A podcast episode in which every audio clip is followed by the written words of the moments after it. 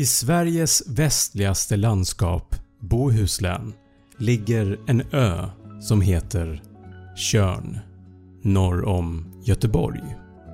Tjörn är anslutet till ön Orust som ligger norr om Tjörn men också till Stenungsund på fastlandet via tre stycken broar. Stenungsöbron, Källösundsbron och Tjörnbron som är den största av de tre. Vi återkommer till den bron lite senare men först behöver vi spola tillbaka bandet till år 1980 då Tjörnbrokatastrofen inträffade.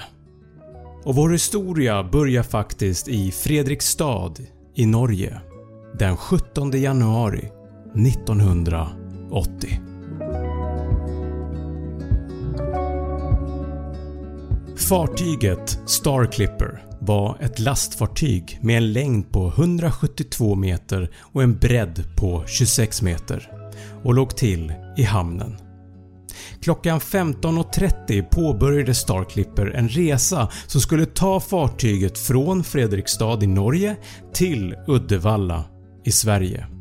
Ombord var det en bemanning på 25 personer, 6 reparatörer och 2 passagerare. Resan till Uddevalla går som den ska ända fram tills att fartyget börjar närma sig den dåvarande Almöbron som i folkmun kallades för Tjörnbron.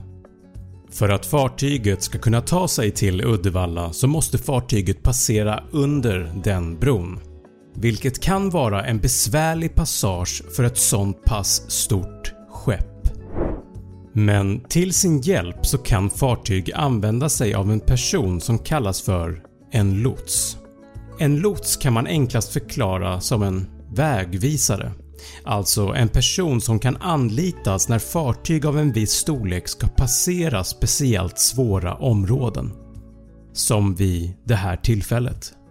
För att kunna ta sig under bron så måste Starclipper göra en babordsgir på cirka 70 grader, sen fortsätta rakt fram ungefär 600 meter och sen svänga åt styrbord på cirka 60 grader. Och sen en rak kurs in under Almöbron. Almöbron var en så kallad bågbro vilket betyder att de bärande delarna är formade som en båge på Almöbron så var vägbanan placerad ovanpå bågarna.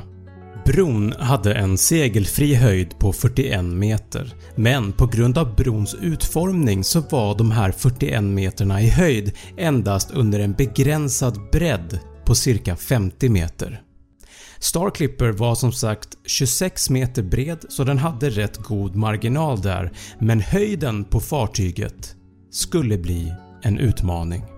Star Clipper hade vid tillfället en masthöjd på 33,5 meter och Almöbron hade som sagt en segelfri höjd på 41 meter.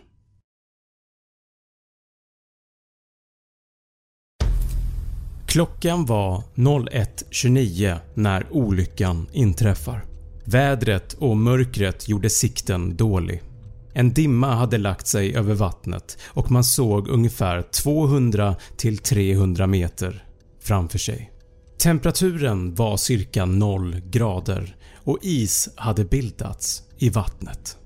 Det gick inte som man hade tänkt. Fartyget svängde inte i den utsträckning som man hade trott och fartyget kom för nära den ena sidan av bron och klockan 01.29 den 18 januari kolliderar Star Clippers ena lastkran med det västra brofästet.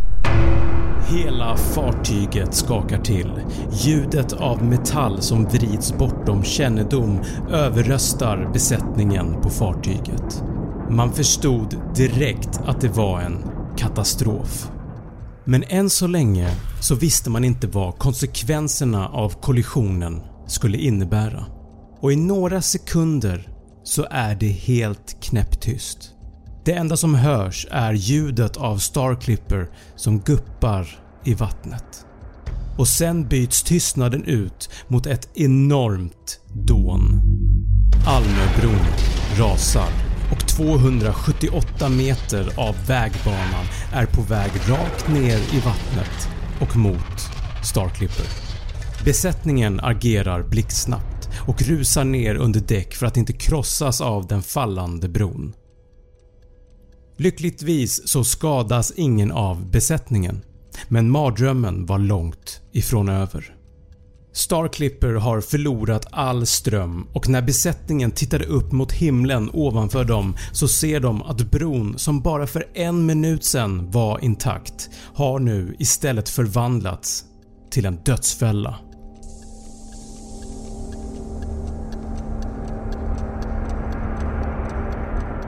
När klockan slår 01.35 bara 6 minuter efter det att bron har rasat så kommer en man vid namn Elmer Karlsson 52 år med sin bil från fastlandet efter ett kvällspass på jobbet. Han var helt omedveten om att det inte längre fanns någon bro. Mörkret och dimman gjorde som sagt sikten dålig och Elmer kör ut över kanten. Han blir det första dödsoffret den natten.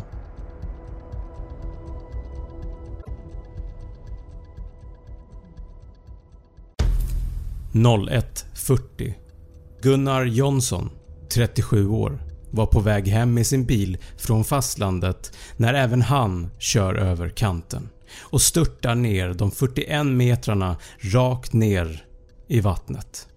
Han blir det andra dödsoffret. 01.43 Leo Sörensen kommer från den västra könsidan av bron och blir den tredje som dör den natten.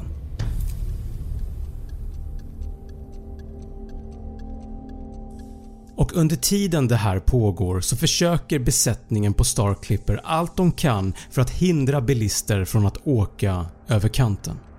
De sköt upp nödraketer för att varna kommande bilister. De försökte sjösätta en livbåt så att någon från besättningen kunde springa upp mot bron och stoppa trafiken. Men när livbåten kom ner i vattnet så låg den fast bland stora isflak. Den gick inte att rubba. De försökte även förgäves larma lotsutkiken i Marstrand.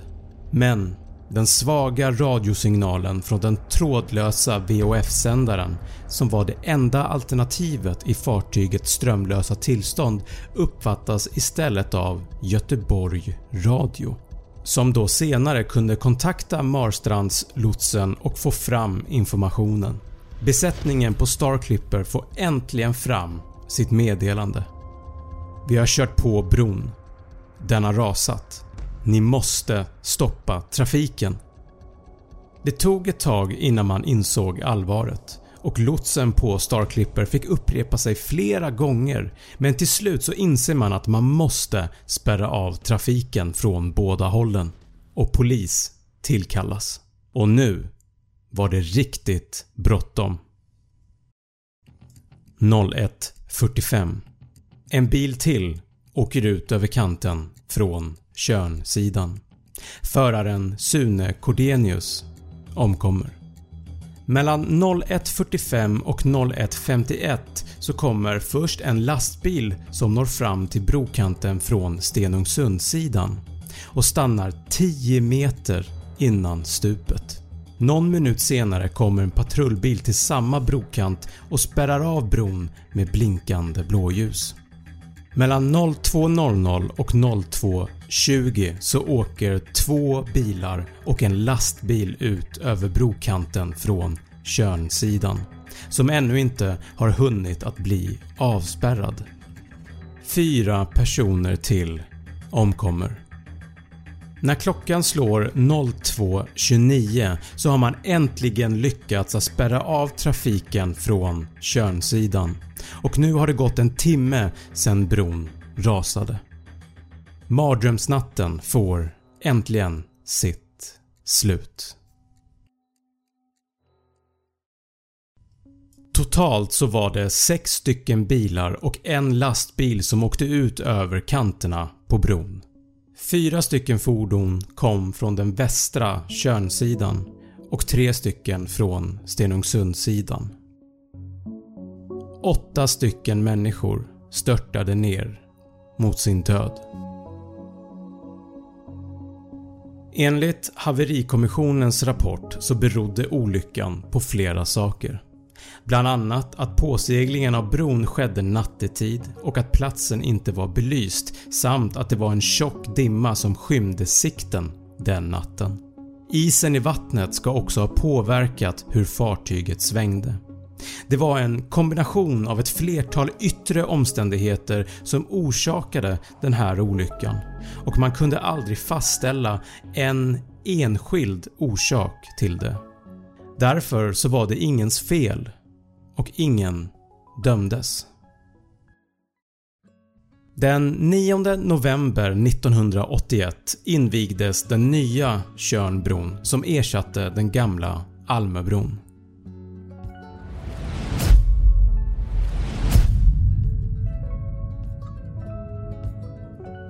Om du tyckte att det här var intressant, prenumerera gärna på den här kanalen.